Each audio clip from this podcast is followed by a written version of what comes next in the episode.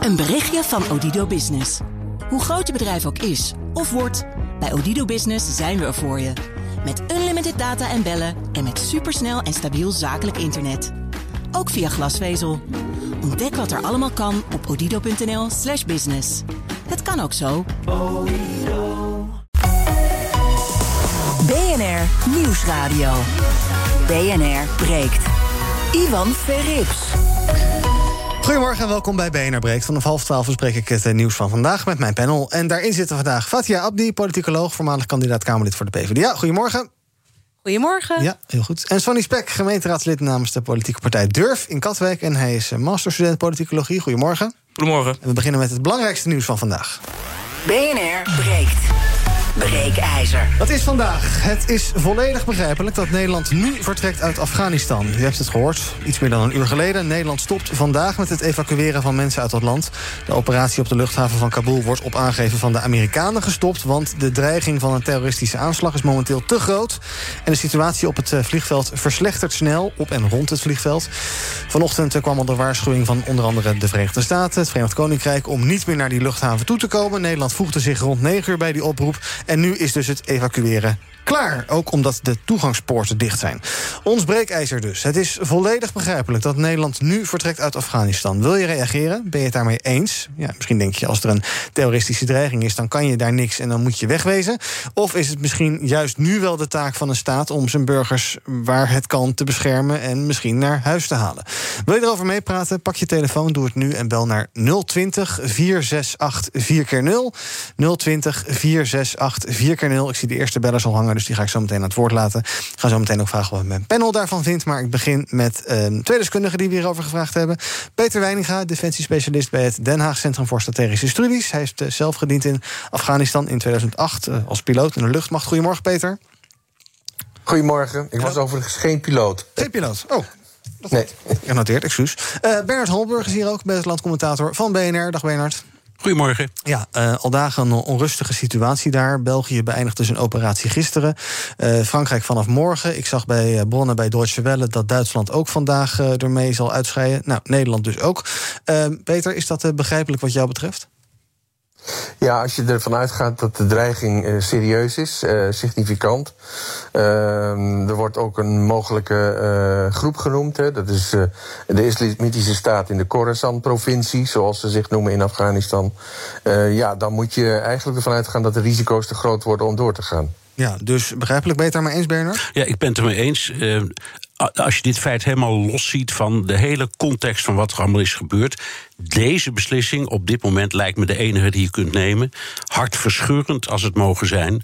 Want het betekent dat er nog heel veel landgenoten en sympathisanten, niet alleen Nederlanders, maar ook van andere nationaliteiten, daar achterblijven in weet ik veel wat voor gruwelijke omstandigheden. Ja, maar is dan de, uh, het mantra van ja, je moet eerst je eigen mensen beschermen, hè, dus defensie beschermen, voordat je ook andere mensen kan beschermen? Nou, ik denk dat het simpeler is als, als er zulke duidelijke, overdui, over, klaarblijkelijk overtuigende aanwijzingen zijn dat um, IS uh, op het punt is om, weet ik veel, alle ingangen naar het vliegveld op te blazen of daaromtrent. Ja, wat wil je dan? Dan heb je gewoon geen keus meer. Nee. Ik krijg de indruk uit de, de Kamerbrief en ook van die verklaringen van andere landen. Vanochtend was er een persconferentie uh, vanuit België, minister premier De Croo, dat ja, we eigenlijk een beetje verplicht zijn door de VS om op te zouten daar. Hè? Ja, dat is nou, natuurlijk. Ja, ja. Niet wel. Nou, ja, Peter? Ja, geen gang, Peter.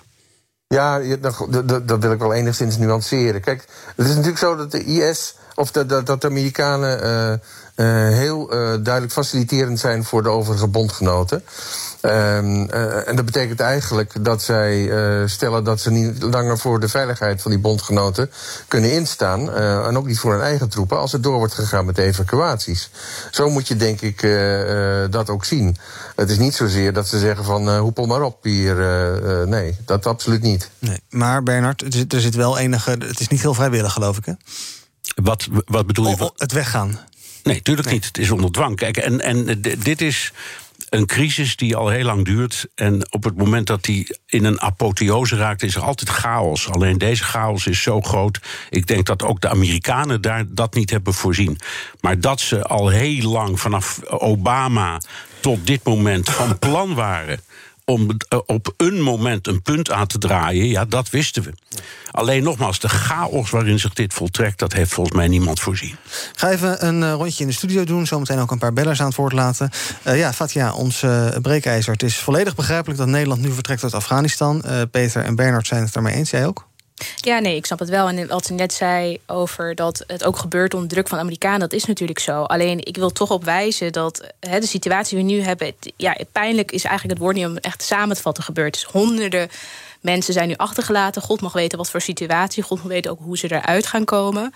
We hebben een kabinet gehad die eigenlijk een motie heeft laten liggen. Die zei van hé, je moet de Afghaanse tolk zo snel mogelijk terughalen. Die Kamervragen heeft beantwoord, die heel afwijkend heeft gereageerd. Er waren geen lijsten klaar van al die Afghanen die voor de Nederlandse overheid hadden gewerkt.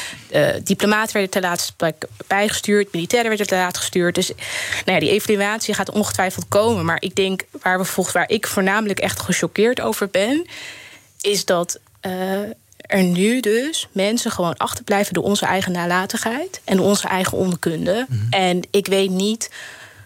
Ik zou bijna willen zeggen van een land dat de geschiedenis heeft als Srebrenica, zou ik echt, echt willen nadenken wat dit eigenlijk zegt over ons. Ja, die vergelijking hoor je vaker. Ja. Um, Sonny? Ja, ik, ik ben het daarmee eens. Uh, er is net ook een Kamerbrief uh, gekomen, uh, denk een uur geleden, de, die daar ook aan stipt. Ik, misschien is het goed om heel even kort te citeren.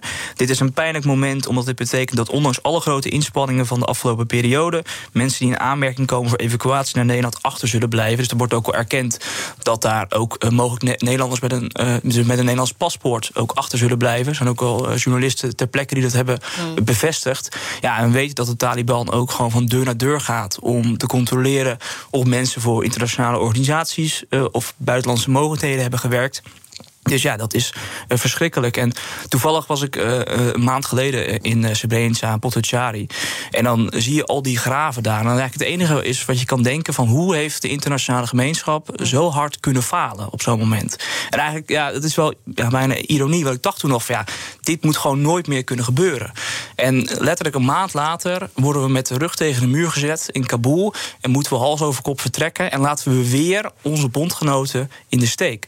En ja, dat vind ik ik persoonlijk uh, ja, enorm tragisch. Uh, ook omdat vanuit de politiek lijkt alsof inderdaad te laat is gereageerd. Um, en dat maakt het bijzonder pijnlijk. En ook dat we natuurlijk zo afhankelijk zijn van de Amerikanen. Um, het lijkt inderdaad op alsof de Amerikanen ons zeggen van nou, uh, jullie moeten daar weg. Um, en je zou toch hopen dat ook in toekomstige situaties we krachtig genoeg zijn als uh, resterende NAVO-landen om ook grote operaties zelf uh, op te pakken. dat lijkt me een hele waardevolle les.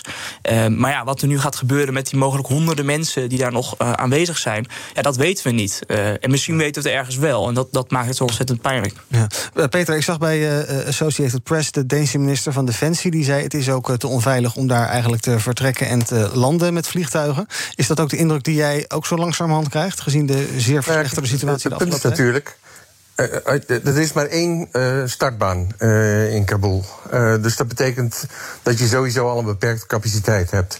Um, voor de landing en na de start, zeg maar, vliegt die vliegtuigen vrij laag over de omgeving van Kabul. Um, er hoeft er maar één in die aanvliegroute of in de, de vertrekroute te staan met een, met een zwaar wapen. En het kan afgelopen zijn. Dus uh, dat is ook een reden waar men zich druk om maakt, natuurlijk, uh, of zorgen om maakt. Ja. Dus uh, ja, weet je, dat, dat is het belangrijk punt. Ik wil wel even reageren op wat mevrouw net zei. Mm Kijk, we laten ze in de steek. Daar zijn we in feite al in 2010 mee begonnen toen wij ons terugtrokken uit Oeruzgan. Laten we dat even heel duidelijk stellen. Um, doordat de politieke steun uh, voor de voortzetting van de missie gewoon in Nederland uh, wegviel. En um, uh, natuurlijk um, zouden wij onafhankelijk van de Amerikanen moeten kunnen opereren, dat klopt. Maar dan moet er zeer veel geld bij de defensiebudgetten hier in Europa. En daar is op dit moment gewoon te weinig steun voor. Ja. Dus wat dat betreft, weet je, zitten we in een situatie die we mede zelf hebben gecreëerd. Dat is absoluut waar. Alleen, ja, probeert men op dit moment, in ieder geval tot dit moment, tot vandaag, heeft men geprobeerd daar uh, zo goed mogelijk op te reageren. Ik ben het wel mee eens dat we veel te laat hebben gereageerd. Dat we veel eerder al uh, bezig hadden moeten zijn met het inventariseren van hoeveel Nederlanders of mensen met een uh, toegang tot dit land zich in Afghanistan bevonden. Mm um, maar goed, dat kun je tegen alle landen zeggen, want ook de Amerikanen hebben zich daar behoorlijk in vergist. Ja. Voordat ik naar de bellers ga, nog even naar Bernard. Ik lees overal toegangspoorten zijn gesloten tot die luchthaven. Betekent dat ook dat ze gesloten blijven? Of is dat ook niet, niet gezegd? Is het daar nee, te onzeker voor? Nee, dat is niet gezegd. Kijk, vergeet niet dat. Eh, de, het filiaal IS in uh, Afghanistan is ook een vijand van de Taliban. Dus die hebben misschien op een moment, ook omdat ze voort moeten en misschien toch iets van relaties willen opbouwen met de buitenwereld, er misschien wel belang bij om van hun kant in te grijpen. Dat kan, weten we niet, maar dat, dat, het zou me niet verbazen. Um, en uh, ja, ja, ik wou ook over, daar hebben we wel vaker over gehad hoor, Peter en ik, nog over één ding reageren. Ik vind dat we helemaal niet naar Oeruzkan hadden moeten gaan. Dus uh, ik, ik denk dat het, het Westen of de, de, de NAVO-partners een fout hebben gemaakt door het niet te laten bij alleen maar het verjagen van Al-Qaeda uit, uit uh, uh, Afghanistan, wat de, oorspronkelijke, wat de oorspronkelijke doel was. Ik ga paar bellers aan het woord laten. René Pijnenburg, goedemorgen. Goedemorgen. Zeg het maar. Ja, goed, je bent natuurlijk burger, dus je, je gaat natuurlijk zeggen... aan de ene kant uh, ben ik het niet met de heren eens dat dit, dat dit kan. Ik, ik vind het net als die mevrouw, ik vind het gewoon schokkend. Uh, er is al heel veel voor mijn, uh, voor mijn voeten weggehaald. Maar er zit natuurlijk wel een patroon in als je puur naar Nederland kijkt. Hè. Ik bedoel, het is begonnen met Juliana in de Tweede Wereldoorlog. Het is uh, Srebrenica, wat zojuist gerefereerd is. Een overheid die mensen in eigen land met toeslagaffaire in Groningen laat, uh, laat barsten. En nu ga je tegen mensen echt gewoon letterlijk en figuurlijk de dood injagen. En je gaat zeggen, ja, we, kijken om. Moet, moet, moet, je voorstellen dat ik in de gracht in Amsterdam loop en er zijn mensen aan het verdrinken. En ik loop weg. Ja. ja, ik vind het zo ontzettend schandalig. En deze militairen, misschien is het ongepast dat ik het zeg, special forces zijn getraind, zoals de Fransen. Daar kunnen we niet, nu niet meer om, om, om, de dorpen in, uh, in te gaan. Maar onze militairen zijn hier toch juist voor, voor getraind om, om het land te beveiligen en om mensen die, die gewoon echt in acute nood zitten. En dit gaat denk ik verder dan acute nood aan een regime overleveren. Nederlandse staatsburgers met een paspoort die je overlevert aan de dood of aan een barbaars regime. Dat wil ik even aan Peter voorleggen. Want inderdaad, die militairen die vertrekken ook met de laatste vlucht. Er blijft wel iets, een klein plukje achter en een militair toestel, geloof ik, in de buurt. Maar uh, ja, we gaan daar echt, uh, echt weg, hè? Ja, kijk, die militairen doen wat ze gevraagd wordt. Zo simpel is het. Uh, dus als de militairen te horen krijgen, we gaan terug, dan gaan ze terug. Natuurlijk zijn die getraind uh, om in barre omstandigheden te opereren. Het zijn special forces inderdaad. Die kunnen veel grotere risico's nemen dan je normaal van militairen zou kunnen verwachten. Die zijn ook veel beter getraind. Dat klopt. Maar het is niet aan hen om te bepalen of ze blijven ja of nee. Uh, dat bepaalt de regering. Ja, dus en, en dus, uh, ja, als de regering zegt, we stoppen ermee, dan gaan ze weg. Ja, dan moet je bij de politiek zijn. Dus Klaas, goedemorgen. Nee, uh, dat bepaalt de regering. Klaas? Dus, heel veel vertraging. Ik ga even naar een andere beller. Als je nog wil reageren, zet even je radio uit. Anan, goedemorgen. Goedemorgen, meneer. Zeg het maar. Ik wil eerst ten eerste zeggen dat we Amerika, Biden hoog hadden invloed gehad. En de tweede, dat Pakistan een bevriende natie is met Amerika. Of van Amerika. En omdat hij dus een dubbele rol heeft gespeeld.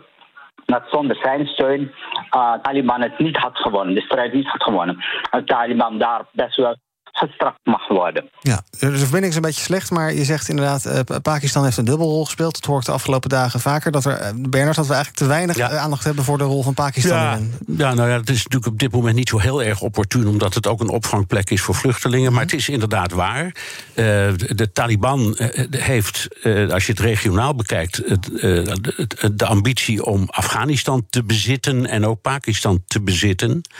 En ehm, aanvankelijk nou ja, het komt er eigenlijk op neer dat Pakistan strijd voert tegen de Taliban in eigen land, maar jarenlang de Taliban in Afghanistan heeft gesteund. Ja. Dus het is inderdaad een hele omstreden rol. Alleen nogmaals, de situatie nu is zo acuut dat je Pakistan in de eerste plaats moet zien als een land dat, uh, waar een aantal van die vluchtelingen heen kunnen. En dan misschien ook verder naar het westen. Ja. Ehm, die aanslagdreiging, doordat, doordat uh, in Amerika in de Engelse talige media wordt het de ISIS-K genoemd, hè, Islamitische staat Khorasan. Hoe, hoe, hoe, hoe, reëel is dat? Is dat makkelijk om daar inderdaad een aanslag te plegen tussen al die wachtende, uh, ja, wanhopige mensen bij die luchthaven? Ja, ja, dat komt. Oh, sorry. Nee, ga je gang, gang uh, Bernard. Nee, oh. nee hoor. Ja, ja, weet je, er is, nauwelijks, er is nauwelijks controle op uh, de mensen die naar het vliegveld toe komen. Dus daar kunnen zich makkelijk figuren tussen begeven die hele andere doelstellingen hebben. En eventueel een rugzak met explosieven bij zich dragen. Dat is een beetje het gevaar rondom het uh, vliegveld en op het vliegveld ook. Dus dat is wel een groot probleem. Uh, inderdaad. Uh, ja, en daarnaast, wat ik net al zei, in de aanvliegroute naar het vliegveld toe en de vertrekroute van het vliegveld af, uh, daar vliegen die vliegtuigen laag. Dus als, er zijn legio wapens door het Afghaanse reguliere leger achtergelaten, die door de Taliban en misschien ook wel anderen zijn in beslag genomen. Mm -hmm. Ja, daarmee zou je inderdaad ook op een vliegtuig kunnen schieten. Dus ja, er is wel een significante dreiging. Ja, ja Bernard?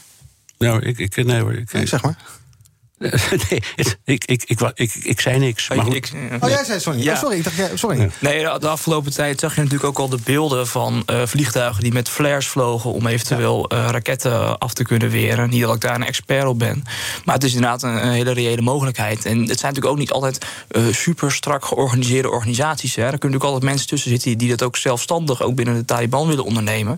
En daarom is het nu ook zo belangrijk om te kijken naar Amerika en Joe Biden. Van, heeft hij eventueel een akkoord met de Taliban? Taliban? En wat is daar precies afgesproken? Krijgen we misschien meer tijd? Uh, het is namelijk nog zo dat er nog voor langere tijd een Nederlands vliegtuig aanwezig blijft op het vliegveld om eventueel later, als het weer mogelijk is, mensen mee te kunnen nemen. Maar ik voelde wel heel erg mee met de eerste inbeller. Eh, en ook de verontwaardiging die erbij zat. Uh, van ja, hoe heeft dit nou kunnen uh, gebeuren? en dat het in die zin ook wel beschamend is. En ook dat de politiek heel snel duidelijkheid moet geven. Hoeveel mensen zitten er nu nog? Hoeveel Nederlanders zitten daar nog? en wat gaat er nu met hun gebeuren? En zijn er ook contacten met de Taliban? Ja, dat, is, dat is gewoon een reële vraag. Want ze, zijn, ze hebben daar de macht. En daar moet je ook eerlijk over zijn. Ja. en ik zei ook, heel kort, ja, dit is toch chefzag uh, Nederlanders zijn in gevaar. Ik zou het ook mooi vinden als de premier hier meer bij betrokken is. Ook meer betrokkenheid bij laat zien. Want het is toch iets um, ja, waarin Nederlanders, zou je kunnen zeggen... in zekere zin in worden gegijzeld, mogelijk, in Kabul... als daar iedereen vertrekt en er zit alleen nog de Taliban. Ja, laten we het zo nog even hebben over die Taliban. Fatja, ik ben, ik ben ook benieuwd, uh, hoe kijk je, wat kan Nederland nu nog... wat moet Nederland nu nog voor die mensen doen als je daar niet zit? In, in, nou ja, de, in politieke zin ook ik vind dat een hele moeilijke vraag om te beantwoorden. Um, maar feit is wel gewoon. En ik, ik, ik blijf er toch bij. Nalatigheid dekt volgens mij niet eens de lading van wat er nu gaan is en wat is gebeurd. Ik wil ook bewijzen dat niet eens een, amper een week geleden. Uh, onze minister uh, Sigrid Kaag uh, nog had over. Nou, als je dit had kunnen voorzien, dan had je een Nobelprijs moeten winnen. En die amper tien minuten geleden een tweet had gedaan. Nou ja, dat heeft ze inmiddels volgens mij verwijderd. Heel wijzelijk over een partijgenoot van nou het fijn dat we mensen in veiligheid kunnen brengen. Nou, ik sta hier toch als iemand, ook hè, dochter van politieke vluchtelingen. Ik weet wat het is om in je geschiedenis dat mee te maken. Ik schaam me kapot voor dit kabinet. Ik schaam me kapot voor hoe er omgegaan is. En ik, ik schaam me kapot voor de Tweede Kamer. Ik denk van hoe kun je laten gebeuren dat je moties worden niet uitgevoerd, je Kamervragen niet beantwoord. Tijdens debatten reageren ministers ontwijken. En nu zitten we in een situatie inderdaad dat honderden mensen, we weten niet hoeveel, we weten niet, in hoe, weten niet hoe snel, gewoon in levensgevaar komen. Ik denk dat uh, menig land daar al alleen al uh, politieke consequenties aan zou verbinden. Ja. Bernard, die Taliban, uh, misschien een beetje een rare vraag, maar is dit zoals dit nu gaat, zoals zij het graag gezien hadden, denk je? Want het leek erop alsof ze met een soort charme-offensief bezig waren. Dat was, nou ja, er waren ook allerlei signalen dat dat flauwekul was. maar ja, zij hebben de controle ook niet meer. Nee, nou, ik, ik weet niet. Um, ik, ik, ik, weet niet of, je dat charme of, of dat charme-offensief echt heeft gewerkt. Ik weet ook niet of het dezelfde um, extreem vrede Taliban zijn als uh, destijds toen die oorlog begon, uh, twintig jaar geleden. Dat weet ik eenvoudig niet. Er is één sprankje hoop bij dit alles. En dat is wat uh, de minister van Buitenlandse Zaken van Amerika, Blinken, heeft gezegd. Namelijk dat ook na het vertrek van al die westerse landen er nog steeds een contactlijn open blijft met de Taliban. Ook om anderen nog te helpen. Dat zegt hij niet voor niets. Dus klaarblijkelijk gaan de Amerikanen ervan uit dat deze Taliban, zoals ze zich nu presenteren, in elk geval op zoek zijn naar, om, het zo maar te zeggen, min of meer normaal diplomatiek verkeer. Dat moet ook wel, want als dit de echte nieuwe regering is van Afghanistan, ja, dan dan kan die regering niet volstaan met alleen maar erkenning door Noord-Korea en Syrië. Het, het, zal zich moeten uitbreiden tot iets wat ook in de rest van de wereld ja, aanvaard wordt, of waar het in ieder geval mee kan praten. En daar hoort dit bij. Dus enige hoop dat dat iets oplevert, ik vind dat die er wel, dat, ja, die, die, die heb ik wel. Ja, Peter, wat is jouw indruk van de, van, de, van de Taliban van nu? Want jij kent ook de Taliban van toen. Uh, ja, wat zie jij verschil? Nou, ik ben het wel met Bernard eens. Mhm. Kijk, er zijn er van die uh, uitspraken van het leiderschap en ook woordvoerders geweest. Dat zijn verzoenende uitspraken. Um, je moet ze natuurlijk uiteindelijk niet op hun woorden afrekenen, maar op hun daden. Hè. Laten we dat voorop stellen. Maar uh, inderdaad, ze hebben behoefte aan internationale erkenning. Ze hebben ook aangegeven dat, de, dat ze internationale relaties aan willen.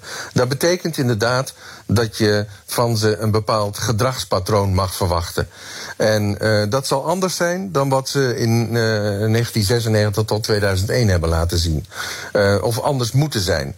En um, ik, ik, zag op één Engelse nieuwssite ook dat een woordvoerder van de Taliban heeft gezegd dat als de situatie genormaliseerd is en er weer commerciële vluchten naar Kabul kunnen plaatsvinden, dat dan ook nog uh, mensen in staat worden gesteld, uh, mensen met visa of mensen met buitenlandse paspoorten om te vertrekken. Dus wat dat betreft is er enige hoop, maar, ja, grote maar. Weet je, de proof of the pudding is in the eating. ze zullen het moet, wel moeten laten zien. Sonny? Ja, ik ben toevallig ook student uh, islamstudies. En kijk, deze mensen geloven uh, in een ideologie, in een bepaalde fundamentalistische gedachte die 1400 jaar oud is. En daar valt niet altijd rationeel mee te praten. Zij gaan het eigenlijk Afghanistan inrichten als een soort emiraat. Hè, waar natuurlijk de sharia, eh, laten we zeggen, een zeer strenge vorm van de sharia eh, zal gelden. maar die wel als legitiem zal worden beschouwd. Het is natuurlijk de vraag, als er wordt gezegd van ja, we hebben een contactpunt uh, met de Taliban vanuit Amerika. waarom dat wordt gezegd. Het kan natuurlijk ook sussende woorden zijn. Mm. omdat Joe Biden de aftocht iets minder pijnlijk wil maken. Daar hebben we op dit moment weinig zicht op. En dat zijn ook wel terechte vragen, ook aan het Nederlandse kabinet. van ja, is er nu contact, ja of nee? Maar ik wil er wel voor oppassen dat we nu net gaan doen alsof het een hele rationele uh, strijdkracht is. die uh, heel uniform is en waarmee altijd makkelijk te praten valt. Uiteindelijk zijn het ideologen. Het was hetzelfde als bij IS. Hè. Er werd ook even gezegd: van, ja, misschien kunnen we daar een soort van ja. uh, gesprek mee aangaan. Uiteindelijk is dat heel erg moeilijk. Um, en juist vanuit het wereldbeeld van ja, we kunnen overal rationalisme brengen, een bepaald humaan wereldbeeld brengen. Dat, dat is waarom altijd die interventies in het buitenland ook altijd fout gaan. Hm. Dus laten we nu niet weer diezelfde fout maken. Peter, dat is de indruk die ik ook een beetje krijg. En ook heel veel opmerkingen die ik het afgelopen dagen hoor. Van ja, jullie praten in Nederland wel over Afghanistan. Maar eigenlijk snap je geen zak van hoe dat land in elkaar zit. Hoe, hoe, hoe die mensen in elkaar zitten. Hoe dat werkt. Is dat, kunnen wij dat met een westerse bril inderdaad eigenlijk niet voorstellen?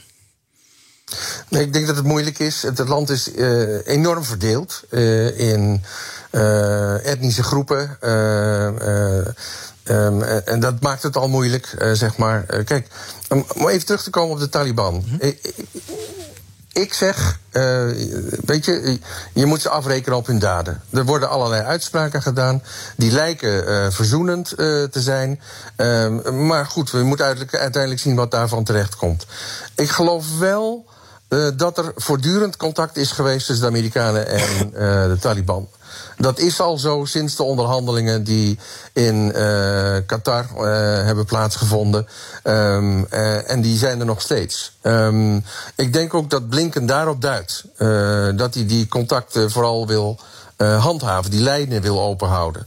Uh, wat daar uiteindelijk van zal komen, ja, weet je, dat is inderdaad afwachten. Ja. Uh, de Taliban is inderdaad geen uniforme groep. Je hebt een leiderschap, daaromheen zit een kring van toch wel getrouwen, zeg maar, die zich redelijk goed aan de uh, zeg maar, uh, richtlijnen van het leiderschap zullen houden. Maar er zitten ook enorme uh, losgeslagen bendes in met het, allerlei moordzuchtige idioten, kun je wel zeggen, die heel moeilijk in bedwang kunnen worden gehouden. Dat is de grote uitdaging. En daarnaast ja, gaan ze problemen krijgen met ISIS Khorasan. Ja. dat zal absoluut een grote uitdaging worden. tot slot van het half uur ga ik naar Wahid. Goedemorgen. Goedemorgen, ik spreek met Wayne. Ik ben Afghaan en uh, mijn, mijn, mijn mening is over die vraag van jullie. Kijk, luister eens. eh, Zonde voor de zoveel leven van Nederlanders in Oeruzgan. En tot nu toe, jullie zijn heel succesvol geweest. Jullie bedoeling was opbouwen, bruggen, scholen. Maar wat Amerika speelt in die, die hele verhaal, dat is heel vals. Want gaan ze in Qatar zitten met Taliban? Gaan ze bespreken in Kabul, eh, hoograngen van de CIA? En nu zeggen ze, Amerikanen mag wel eh operatie voortzetten en Nederlanders niet. Ik, eh, ik, mijn mening is, toen die tijd met Russen, de geduld was ook een keer op. En dat was barrage van aanslag en alles. Nou, het is voorzichtig nu om even een pauze te nemen. Jullie hebben best gedaan. Aan de andere kant, als Afghaan, die mensen die met eigen paspoort op vakantie gaan, wij waren al, al lang op de hoogte vanwege corona niet naartoe te gaan. Ja. Maar ja, het is, het is nou in één keer mensen vast. Dat, dat, dat, jullie moeten zichzelf meer schuld geven. Jullie hebben best gedaan, maar nou is het veel te gevaarlijk. Vind je eh, opvallend mild. Eh, Bernard, is het inderdaad waarschijnlijk dat de VS de komende tijd een andere rol zal krijgen dan andere Europese, de andere westerse landen? In de zin ook wat jij zei over Blinken. Die heeft het toch voornamelijk over het terughalen van Amerikanen en niet zozeer van andere westerlingen. Ehm, eerlijk gezegd denk ik dat wat dat betreft Biden eh, zich wel van zijn goede kant laat zien hoor. Het is niet zo dat ze alleen maar Amerikanen op gaan pikken als ze die kans hebben en bij wijze van spreken een Nederlander laten staan. Daar geloof ik niet in. Dat is nooit gebeurd, dat gaan ze ook niet doen. Ehm, eh, en- en- dus ik denk, dat verwacht ik niet. Nee. Ik denk als er een lijn open blijft, dan geldt die voor iedereen. Peter, tot slot. ehm, ja, heb jij nog enige lichtpunten voor de situatie? Nou, ja, ja. Ik, vind het lastig. Ik hoop eh, dat de Taliban in ieder geval het leiderschap zich van zijn goede kant laat zien. Omdat ze hebben aangegeven dat ze streven naar internationale erkenning. En dat betekent gewoon dat je toch een bepaald gedragspatroon moet laten zien. Ondanks het feit hè, dat je een eh, zeer extreme interpretatie van de islam aanhoudt, eh, aanhangt. Ehm, dus ik ben geneigd om te zeggen: kijk. ehm, het is feit, ze zijn heer en meester in Afghanistan, behalve nog een kleine vallei in de, in de Panjshir-regio. Eh, maar dat zal waarschijnlijk ook niet lang duren, want die zullen door niemand worden gesteund. Ehm, dus dan hebben ze het hele land in handen. En dan moeten ze laten zien waarvan, eh, ja, wat hun ware bedoelingen zijn. En ik hoop dat dat in ieder geval eh, er iets anders uit gaat zien dan dat we tussen eh 96 en 2001 hebben gezien. Dankjewel. De laatste man die hoorde was Peter Weininga, defensiespecialist bij het Den Haag Centrum voor Strategische Studies. En ook dank aan Bernard Hommelburg, onze buitenlandcommentator van BNR. En natuurlijk vanmiddag weer te horen met BNR De Wereld hier op deze zender. Ik denk ook wel hierover, hè Bernard? Zeker maar. Ja, dat dacht ik al. Oké. Alright, ehm, zometeen praten wij verder in het tweede half uur van BNR Breekt... over ander nieuws van vandaag, over hoe de PvdA en GroenLinks... de formatiedruk opvoeren met een gewenste koopkrachtverbetering van 2 miljard euro. Kijk, dat is nou nog eens goed nieuws. En mensen met ernstig overgewicht, die zijn daar vaker dan vroeger tevreden over. Wat maakt het ook uit dat je heel erg dik bent? Ach, gedoe. Tot zo. Een berichtje van Odido Business. Hoe groot je bedrijf ook is of wordt, bij Odido Business zijn we er voor je. Met unlimited data en bellen en met supersnel en stabiel zakelijk internet. Ook via glasvezel.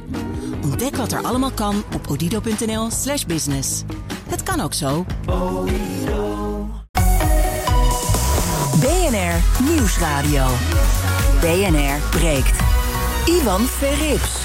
Ja, welkom terug bij BNR Breekt, tweede half uur. In mijn panel vandaag Fatia Abdi, politicoloog... voormalig kandidaat Kamerlid voor de PvdA... en Sonny Spek, gemeenteraadslid namens de politieke partij Durf in Katwijk... en eh, masterstudent politicologie. Ehm, we gaan het hebben over eh, nieuws van de dag. Er is eigenlijk heel veel te bespreken. Eerst nog even iets wat misschien een beetje aansluit... ook bij dat verhaal eh, net over Afghanistan. Eh, want door de toestroom van onder andere Afghaanse evacuees... maar ook andere ehm, eh, asielzoekers... dreigen opvanglocaties voor asielzoekers vol te raken in ons land... Het kabinet roept daarom provincies en gemeenten op... gisteren een brief gestuurd om meer opvangplekken te creëren. En ook zouden er meer woningen voor statushouders moeten komen... zodat die eh, weg kunnen uit die asielzoekerscentra. Er zijn nu geloof ik zo'n eh, 27... Er zijn 29.000 plekken, heeft het Centraal Orgaan Opvang Asielzoekers. Er zijn er 27.000 van bezet.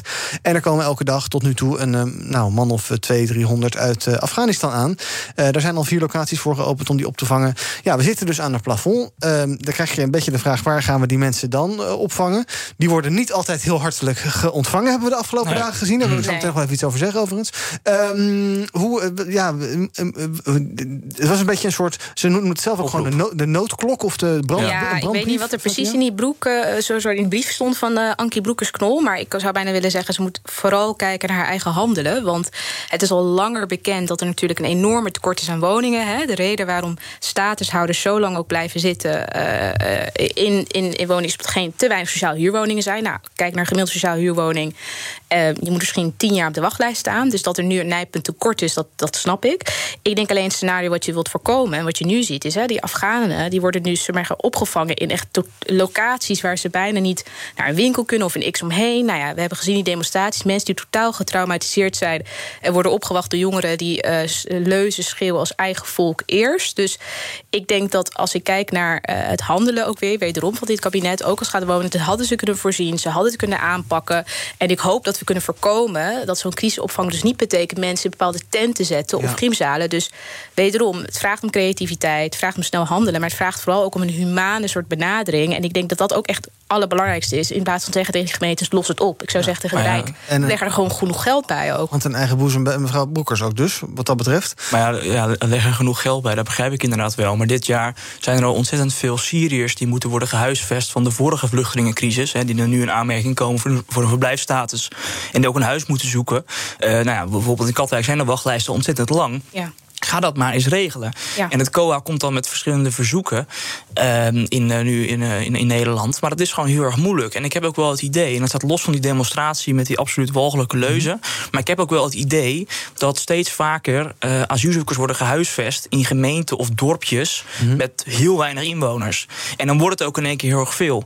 En mij bekruipt toch het gevoel dat in de plekken waar mensen het, het het hardste roepen dat men solidair moet zijn, dat er relatief weinig wordt opgevangen. Dat is niet waar. Nee, dat is niet waar. En nou ik ja, wil ook wel zeggen, Halsema nee, had want- net toch ook gezegd... Hè, dat Amstad Amsterdam dat ze ook open staat om die vluchtelingen ja, op te vangen. open staat, maar dan komen we bij de praktijk Nee. en dan gaat het geld kosten voor het COA, omdat ze duurdere panden moeten kopen. En dan gaan ze toch weer uitwijken naar bijvoorbeeld het platteland. En dat vind ik wel een realiteit. Als we het hebben over bijvoorbeeld de plaatsing van statushouders, dat gebeurt vooral in wijken waar de sociale cohesie al minder is, waar men al bijvoorbeeld mensen eh, relatief meer moet opvangen met eh, psychische problemen. En dat bij elkaar, dat gaat knellen. En ik vind dat daar wel voldoende aandacht voor moet zijn. En in Nederland hebben we nou eenmaal eh, ook een bepaalde segregatie in wijken. Dat in bepaalde wijken enorm veel sociale huurwoningen zijn. En in andere wijken vooral heel veel koop. Dat gaat scheef groeien. En ik vind dat daar ook wel, eh, ook met die aanstaande vluchtelingencrisis, voldoende aandacht voor moet zijn. Want uiteindelijk. Dat soort dorpjes, ik weet nog wel in 2015, toen met Klaas Dijkhoff, dat hij toen naar Oranje ging. Omdat daar toen in één keer 300 mensen eh, moesten worden opgevangen.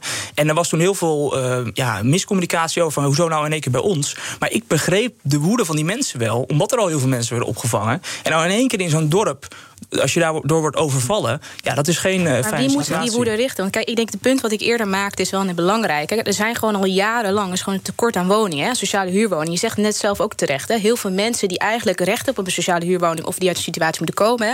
Mensen bijvoorbeeld uit de gevangenis, GGZ, de staatshouders, allemaal worden ze nu zelf- Gescheiden moeders. Waarschijnlijk moeten allemaal zelf de wijken geplaatst. Maar er is gewoon een tekort aan woningen. Als je nou een kabinet zou hebben, hè, die, maar wat, Ja, gaan we zo ja. over Wat is dat hebben. eigenlijk? Ja. Zou je misschien start kunnen maken om eigenlijk deze wooncrisis aan te pakken. Maar dat gebeurt dus niet. Dus ik vind het een beetje, waar ik een beetje huiverig voor ben, want ik snap jou, is laten we vooral niet die Afghanen zeggen van nou, poe, poe, poe, het ligt aan hun. Nee, Nederland heeft gewoon te weinig woningen. Het is onmogelijk om een woning te krijgen. Het is al helemaal onmogelijk om een sociaal huurwoning te bewandelen. Dus dat deze crisis er aankomt, snap ik. Maar laten we niet de vluchtelingen gebruiken als een stok voor eigenlijk het fadenbeleid van afgelopen Nee, dat is, dat is volledig dus dat terecht. gaat om maar... het, om het doorstromen. Wat moet er nou gebeuren aan dit acute probleem eh, bij, de, bij het COA? Ik denk echt creativiteit. Ik vind het heel interessant dat zij een brief hebben geschreven... waarbij ze vooral een beroep op de gemeentes. Ik zou echt toch wel aan het Rijk willen vragen... kijk wat je zelf ook kan doen. Hè? Het hebben het nu over van... ja, willen voorkomen dat mensen in gymzalen... Wat, of dat soort dergelijkheden. Maar ik denk, praat juist met die gemeenten. En ik merk toch, er is een, vaak een soort...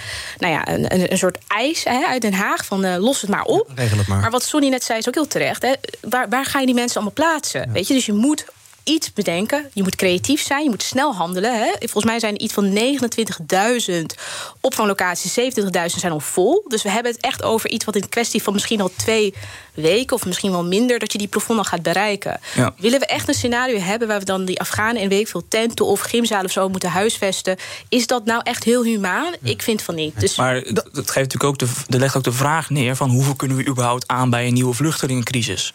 als we nu al aanzien komen dat er veel mensen gaan eh, vluchten vanuit Afghanistan, ook heel veel mensen die bijvoorbeeld vastzitten in Griekenland, dan moeten we elkaar ook de vraag stellen: kunnen we dat überhaupt wel aan? Is dat nog wel wenselijk? Kunnen we nog wel mensen op een normale, humane manier opvangen? Maar wat je ook zegt, ook uh, bij Nederlanders die op zoek zijn naar een sociale huurwoning heel lang moeten wachten, zitten ook vaak hele schrijnende verhalen. Uh, gescheiden moeders met kinderen, die krijgen tegenwoordig al niet eens meer voorrang, omdat er zulke lange wachtlijsten zijn. Ja, dat niet... vind ik zelf ook uh, ontzettend. Ja, maar je moet niet doen alsof. Kijk, wat je nu doet is wel een, een lichte valse tegen, tegenstelling. Vind nee, ik. Want het gaat nee, nee, maar laat me even, laat me even een punt, een punt afmaken. Ik denk Nee. wel lichte valse tegenstelling. We zitten gewoon niet met het feit dat die vluchtelingen inderdaad een thuis moeten vinden. Dat is gewoon zo. Dat is gewoon zo. Je kunt dan wel zeggen, ja, we moeten die mensen niet opvangen. Nou, die Afghanen waar je het over hebt, zijn een paar honderden. Hè? We hebben net een discussie over gehad dat we niet eens iedereen hebben kunnen ophalen uit Afghanistan. Dus laten we daar ook bij stilstaan. Dus als het gaat over wat kan het Rijk doen, wat kunnen gemeentes doen, dan is creativiteit, echt, de creativiteit, creativiteit daar echt heel erg bij belangrijk. Maar als het gaat om wat je structureel kan doen, en daarin kunnen we volgens mij elkaar wel vinden, is dat er eigenlijk nu eindelijk een kabinet moet komen. Dat er eindelijk een aanpak moet worden gedaan aan deze wooncrisis. Dat er eindelijk gebouwd moet worden. En zo snel mogelijk. maar dat is de enige dat oplossing structureel die tegemoet zitten, komt. Nee, maar dat is de enige oplossing structureel tegemoet komt aan de crisis waar we nu in zitten. Nee, want je kan niet bouwen tegenover eh, mensen die hier naar Nederland toe komen. Je moet op een gegeven moment daar ook een stop op zetten. Maar jij doet alsof het een en soort vloedgolf Nou ja, aan mensen is. Dat is onzin, nee, sorry. want we Dat zien is nu echt wel, onzin we zien nu zegt. wel dat er een nieuwe vluchtelingencrisis gaat ontstaan. Wat er in Afghanistan gebeurt. Ook wat er overigens in Libanon gebeurt. Er komen nog steeds mensen de Middellandse Zee over die dat proberen. En het gaat waarschijnlijk alleen maar toenemen met die toenemende onrust. Ook weer na corona. Jij focust en, dat, je en als je dan zegt, we moeten extra gaan bouwen... populistische Nee, troop, nee, met alle nee, respect hoor. je Welke zegt- mensen heb je het niet over die zoveel je komen? Dus ik weet niet waarom je ik dit zegt. Uitpraten.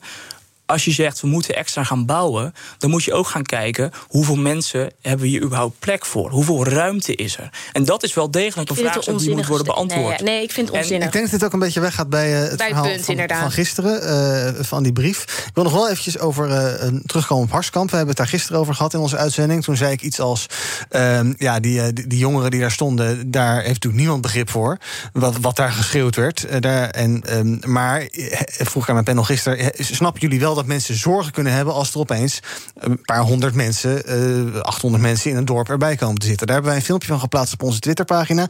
Daar is dat een beetje raar geknipt, waarbij het lijkt alsof ik begrip vraag voor de jongeren die daar eh, eigen volk eerst schreeuwden.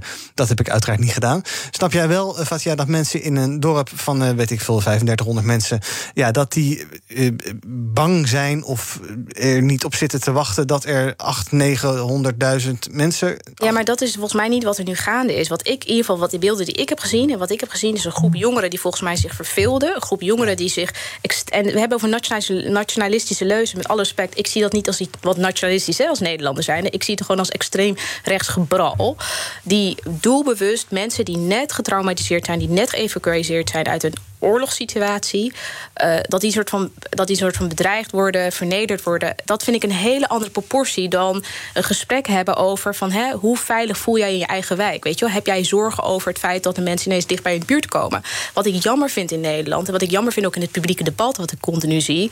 is dat we continu reduceren in ons bijvoorbeeld vereenzelvigen... met zogenaamde zorgen. Wat ik zie zijn heel veel Nederlanders... en ik weet dat dit in mijn eigen familiegeschiedenis ook zo is... die willen helpen, die eten aanbieden, die kleren geven... die zich nu kapot schamen voor de situatie die gebeurt in Afghanistan. En ik denk om dan te doen alsof een klein groepje jongeren... die zich vervelen, die extremistische leuzen scanderen... dat dat een onderdeel is van dat dorp of überhaupt hoe Nederland tegenaan kijkt. Ik wijs dat gewoon af. Ik las in een regionale krant ook, dit zijn eh, inderdaad gewoon jongeren die met katten bier daarheen gingen om een beetje stennis te schoppen. Ja, en ik moet eerlijk zeggen, wat is, wat, wat is de, eh, welk voor, wat voor klimaat denken ze dat dat mogelijk is? En daar moet je je ook vragen bij stellen. BNR breekt. Zometeen gaan we naar het andere dossier, eh, de formatie. Maar eerst eventjes naar eh, Thomas van Zel. Die gaat ons vertellen wat hij zometeen in zaken doen gaat doen. doen zaken doen, doen, doen, doen, doen. Zal ik het dan maar zeggen? Doen, kom maar. Nu er zo naar uitkijkt. Ik ga onder andere praten met Loek Radix. Hij is de topman van Gemelot, het eh, chemische industriebedrijventerrein in Limburg. Waar ze te maken hebben gehad met overstromingen. Maar waar ze uiteraard ook te maken hebben gehad met wetgeving vanuit Nederland, vanuit Den Haag, vanuit Brussel. Om ervoor te zorgen dat die CO2-uitstoot wordt teruggedrongen. En eh, ze weten daar wel wat uitstoten is. Hopelijk weten ze ook wat ze eraan kunnen doen om dat allemaal te reduceren. Want er liggen grote ambities in 2025 en nog iets verder weg in 2050 om eh, CO2-neutraal te kunnen opereren daar. Dus de weg daar naartoe, daar ga je meer over horen in BNR Zaken doen. Oh, ik zie het. Praat ook met een eh, onderzoeker van de Nederlandse bank. Tweevalde van P- Wacht even, hallo? Dus- Hallo. Mag ik Thomas even uitpraten? Ja? Oh ja, nou ja, goed. Ik praat ook met een onderzoek van de Nederlandse bank... waarom we al het geld dat we hebben gespaard... toch niet massaal gaan uitgeven. Want dat was wel een klein beetje de verwachting. En, niet onbelangrijk, de comeback van de slaaptrein. Want daar is Ja. sprake van. Ik zag bij Kruidvat kaartjes voor Ja. 105. Ja. Nou, die kaartjes. Oh de mijn bedrijf achter die kaartjes. Waar wil je heen? Verona, Oh, ja, Innsbruck, leuk, Wenen, man. Milaan. Echt romantisch. Ja, echt romantisch. Ja, Zullen we samen gaan? Zullen we- er een bedrijfsuitje nou, van maken? zou- zou- dat schijnt populair te zijn voor bedrijven Oh. die het goede voorbeeld willen geven. Ja, leuk. Dus, eh, maar ik zal ook nog even informeren naar hoe groot die coupés nou werkelijk zijn. Ja, en hoeveel precies. je van elkaar moet houden, Ivan. Ik ga, ik ga luisteren, zo meteen om 12 uur. BNR breekt. Ja, we gaan het hebben over de formatie. Ehm, VVD, D66 en de CDA laten maar weinig los over wat er eigenlijk gebeurt. Behalve dat het allemaal hele goede gesprekken zijn. Maar dat zijn het al vijf maanden, zegt Mark Rutte dan. Gisteravond was er nog een eh, apart briefje van informateur Hamer aan de eh, voorzitter van de Tweede Kamer. Zij schrijft over de gesprekken die eh, zij met VVD en D66 voert met de ja, vier beoogde partijen. En dan schrijft ze: Deze gesprekken zijn nog gaande. En de door de fractievoorzitters van de VVD en D66 geformuleerde bouwstenen voor een mogelijk regeerakkoord zijn op basis daarvan nog in beweging. De bouwstenen zijn nog in beweging, Fatja, gelukkig. Ja, ik weet niet of dit een soort eh spoedcursus begrijpende eh, ja, lezen is. Maar ik zou heel graag. Ik zou, het zou me heel erg helpen als ik de documenten kon zien. En ik denk dat heel veel mensen dat ook zouden voelen. Van maak die formatiedocumenten openbaar. Ik snap niet wat ze bedoelen met die, eh, met die bouwstenen. Er wordt strategisch gelekt hè, om bepaalde mogelijke processen te beïnvloeden. Ik denk, nou ja, het is een beetje gek voor een, een, een kabinet dat acht maanden geleden is gevallen hè, over toeslagenaffaire. En grote woorden werden gebruikt tijdens de verkiezingscampagne over nieuwe Bestuurscultuur, nieuw leiderschap. En we toch vervallen zijn in dezelfde soort Haagse eh, spelletjes. Dus ik zou denken, als je echt, echt serieus wilt gaan onderhandelen. En ik heb het gevoel de afgelopen vijf maanden, met name de VVD, met name het CDA, maar ook D66, dat eigenlijk die hele gesprek hebben getraineerd. Dat nu eindelijk tijd is, wordt om te zeggen: wat is nou de inhoud? Wat is nou de inzet? Waar wil je naartoe met dit land? Ja, zou het goed zijn, Sonny, als we gewoon, eh, als er geen, ja, als we gewoon mee konden kijken wat er gebeurde? Ja, in zekere zin heb je natuurlijk altijd een bepaalde beslotenheid. Hè, want je wilt dingen uitruilen of je hebt een onderhandeling. En dan kan je niet eh, alles openbaar doen. En als je dat alles openbaar wil gaan doen, dan zorg je er juist voor dat mensen op de achtergrond eh, dingen met elkaar gaan bespreken. wat niet te controleren valt achteraf. Maar ja, als er dan inderdaad strategisch wordt gelekt naar het NRC. dat er in die notitie van VVD en D66 onder andere iets staat over embryowet. over eh, vrijwillig levenseinde, over artikel 23, hè, vrijheid van onderwijs. eh, voorstellen van verdere emancipatie van LHBT, eh, LHBT'ers dan wordt er al een bepaalde kant op gestuurd. En dan eh, zie ik dat persoonlijk als een poging om de ChristenUnie een soort van uit te duwen. ja, ik denk dat heel veel mensen echt met, eh, met, met een bepaalde schaamte kijken naar wat er nu gebeurt in Den Haag. Eh, en echt het idee hebben van ja, hoe ver is men nou? En als Tweede Kamer zou ik ook een, een poging doen om inderdaad die stukken boven water te krijgen. Want het is nu een soort van slechte film waarin men Ja. met elkaar een relatie probeert aan te gaan. En dan gaat het weer uit, dan gaat de ander naar elkaar toe. En dan proberen ze te middelen en ook op de vader erbij. Heel ongemakkelijk. Ik hem uitzetten. Ja. Ik denk dat heel veel mensen die film al de laatste tijd hebben uitgezet. Ik denk mensen geen hol snappen van die film. Nee, Nee. helemaal niks. En het punt is, dat is ook terecht, want het is gewoon een hele slechte film. En uiteindelijk is het de kernvraag: willen jullie nou wel of niet met GroenLinks en de PvdA? Zo nee, dan gaan we het met de ChristenUnie proberen op basis van de inhoud. Mislukt dat? Dan moeten er, denk ik, nieuwe verkiezingen komen. En ik vind dat nog steeds reëler, want het mandaat dat mensen aan deze partijen hebben gegeven, nou, stamt uit maart. En dan langzamerhand gaan we alweer naar het najaar toe. En ook hoe men omgaat met dat mandaat, ik vind het persoonlijk niet respectvol. Men ehm, ja, loopt ook een beetje weg. Zo van ja, we kunnen er niks over zeggen, we kunnen er niks over zeggen. Maar ondertussen komt wel eh, GroenLinks en de, en de Partij van de Arbeid komen met een plan van we moeten de koopkracht gaan verbeteren. En we lekken naar NRC eh, wat er in die notitie staat. Ho, ho, ho, Dus- ho. Ze hebben volgens mij niet gelekt hoor, GroenLinks Of dat- Nee, de- maar- maar dat tweede, die notitie. Over En dat, pla- over dat plan wil ik het zo nog even hebben. Ik vroeg me, eh, ik zie het wel naar uit, formatie de film. Lijkt me wel Ja, leuk. lijkt me mooi. Ja. Ik weet niet of dat de volle zalen trekt. Een soort eh, VPO-documentaire. Ik zie Fatja ook steeds vaker het M-woord weer opduiken. Minderheidskabinet. Is dat Ja. nog iets wat dan toch maar te over, eh, overwegen is? Nou ja, zoals ik het kijk, Gert-Jan Segers, hè, die eh, zei het ook heel expliciet na zijn laatste bezoekje, of zoveelste bezoekje aan eh, inderdaad een Hamer. Hè. Zij Mhm. moeten dus ook serieus kijken naar een minderheidskabinet. hè. Ook juist vanwege de debatten die hebben plaatsgevonden tijdens de verkiezingen over dat nieuwe bestuurscultuur, over dat nieuwe leiderschap. Ik denk alleen dat je nu echt, ja, pak een beetje drie scenario's hebt. En A of vier, als ik ook Sonny's suggestie van nieuwe verkiezingen bijtrek. Of je gaat inderdaad met GroenLinks PvdA aan zee. Of een van die partijen laat elkaar los. Hè. Dus, en dan denk ik, de GroenLinks die, ja, die zit op de, ligt op haar rug te kieren van regeringsdeelname. Dus ik zou zeggen, die zijn eh, Ja. de uitstekende kandidaat. Of je gaat door met de huidige coalitie. Of je krijgt inderdaad nieuwe verkiezingen. En ik denk van eh, die min. Oh, sorry. En je hebt een minderheidskabinet. Ja. Alleen ik een minderheidskabinet voel ik gewoon heel sterk. Als je al drie opties hebt voor een meerderheidskabinet, waarom zou je aansturen bij een minderheidskabinet? Weet je, dat is ook de vraag. Van waarom kom je er inhoudelijk niet uit? En wat ik net eerder zei, blijft nog staan. We hebben vijf maanden lang gehad waar er geen inhoudelijk gesprek hebben plaatsgevonden. Wij weten bij godsnaam niet wat het inzet is voor een nieuw kabinet. Laat staan waar het land naartoe moet. Hè. Terwijl we hebben het net al Afghanistan over gehad. Nou ja, eh, als je kijkt naar de wooncrisis, als je kijkt naar de salarissen van heel veel mensen die in cruciale beroepen zitten, die hebben een ongelooflijk moeilijk jaar gehad. Kijk naar de zorg, kijk naar het onderwijs. Kijk naar het stikstof. Er zijn zoveel problemen die vragen om een nieuw kabinet. En daar hebben we vijf maanden lang niet over gehoord. En we staan nog steeds op een punt waar het alleen maar gaat over poppetjes. En over toch wel twee rechtse partijen, de VVD, D60, 3 en CDA. Die geen gezichtsverlies willen leiden. En daarom toch tot die tijd eigenlijk niet hun verantwoordelijkheid pakken. Jij noemde al even het plan van GroenLinks en PvdA om eh, het koopkracht voor gezinnen te verbeteren. En ook alleenstaande en ouderen. Ehm, daar moet 2 miljard euro die naar de winstbelasting gaat voor worden ingezet. Is dat een goede zaak? Nou, ik vind het wel heel goed. Kijk, wat de PvdA GroenLinks nu hebben gedaan. Hè. Ze hebben gewoon gezegd, wij vormen één onderhandelingsteam. Dit is natuurlijk een inzet, in ieder geval voor Prinsjesdag. Ik vind het heel goed omdat het inhoudelijk is. Het laat inhoudelijk zien waarop zij denken... dat die samenwerking moet plaatsvinden. Ik vind het ook relevant, omdat het gaat om een heel belangrijk punt. Namelijk, wat ga je doen met eh, die 2 miljard... die eigenlijk naar nog meer verlaging van het grote bedrijf gaan? Zij zeggen, doe dat niet. Gebruik het juist om die salaris te verhogen. Hogere AOW, eh, verlagingen. Maar goed, als eh, VVD en CDA en D60 eigenlijk niet om tafel zitten met deze partijen. Hè, dat is gewoon eigenlijk de cru. Die kan dan wel inzet blijven plegen en heel netjes komen opdraven alle gesprekken. Maar als zij niet thuis willen geven, ja, dan zitten we toch in een scenario waarin gewoon dit hele proces wordt gefrustreerd. En ik ben het wel met Sonny eens dat je denkt: hoe respectvol is dat naar de kiezer? Hoe respectvol is het naar ons land? Hè, en de crisis waar we ons nu bevinden. Het, zij zijn toch echt nu aan zet. En ik denk niet dat het aan zet is aan de PvdA of de GroenLinks. We wachten maar weer af. We gaan kijken wat er trending is op de socials. Onder andere nog steeds hashtag Harskamp. De meningen zijn nogal verdeeld over de mensen die bij dat protest waren. Of dat eh, idioten waren, of dat ze een punt probeerden over te brengen. Ik denk dat in de studio veel mensen zullen denken dat het idioten waren. Hashtag prikabonnement. Mensen zijn bang dat we straks elke drie maanden opnieuw moeten gaan prikken. Mijn hemel. En ook hashtag Prins Bernard, want die heeft een, eh, niet een bepaald een goede beurt gemaakt bij Chef Special, de band. In een video legt eh, zanger Joshua Nolet uit waarom. Wat er wel binnenkwam, though, was een mail namens Prins Bernhard of Chef Special zou willen komen spelen op de Formule 1.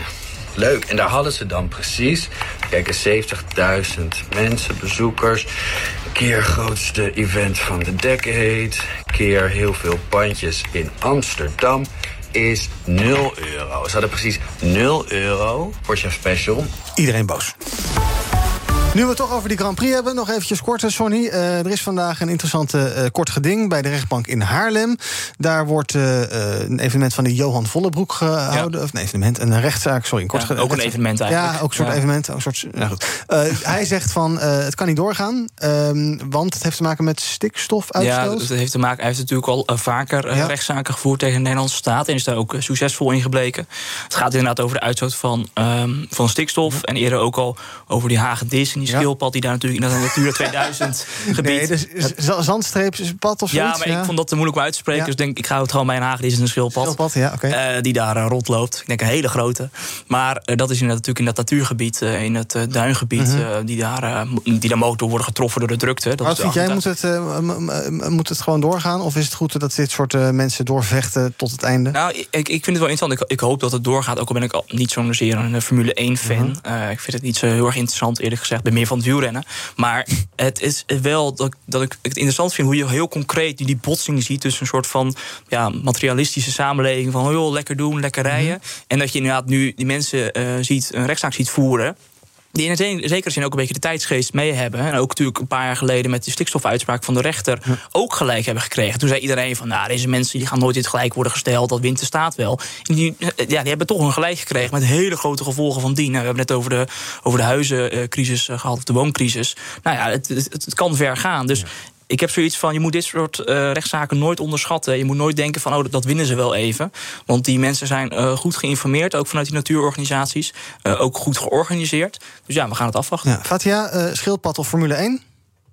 Ik hou meer van dieren, sorry. Ja, ik ook, maar het is al georganiseerd. Het is moeilijk om wat nu, nu af te Ja, en ik, en ik moet eerlijk zeggen, ik heb volgens mij een keer eerder over Formule 1 gezegd, namelijk dat het me echt niet boeit.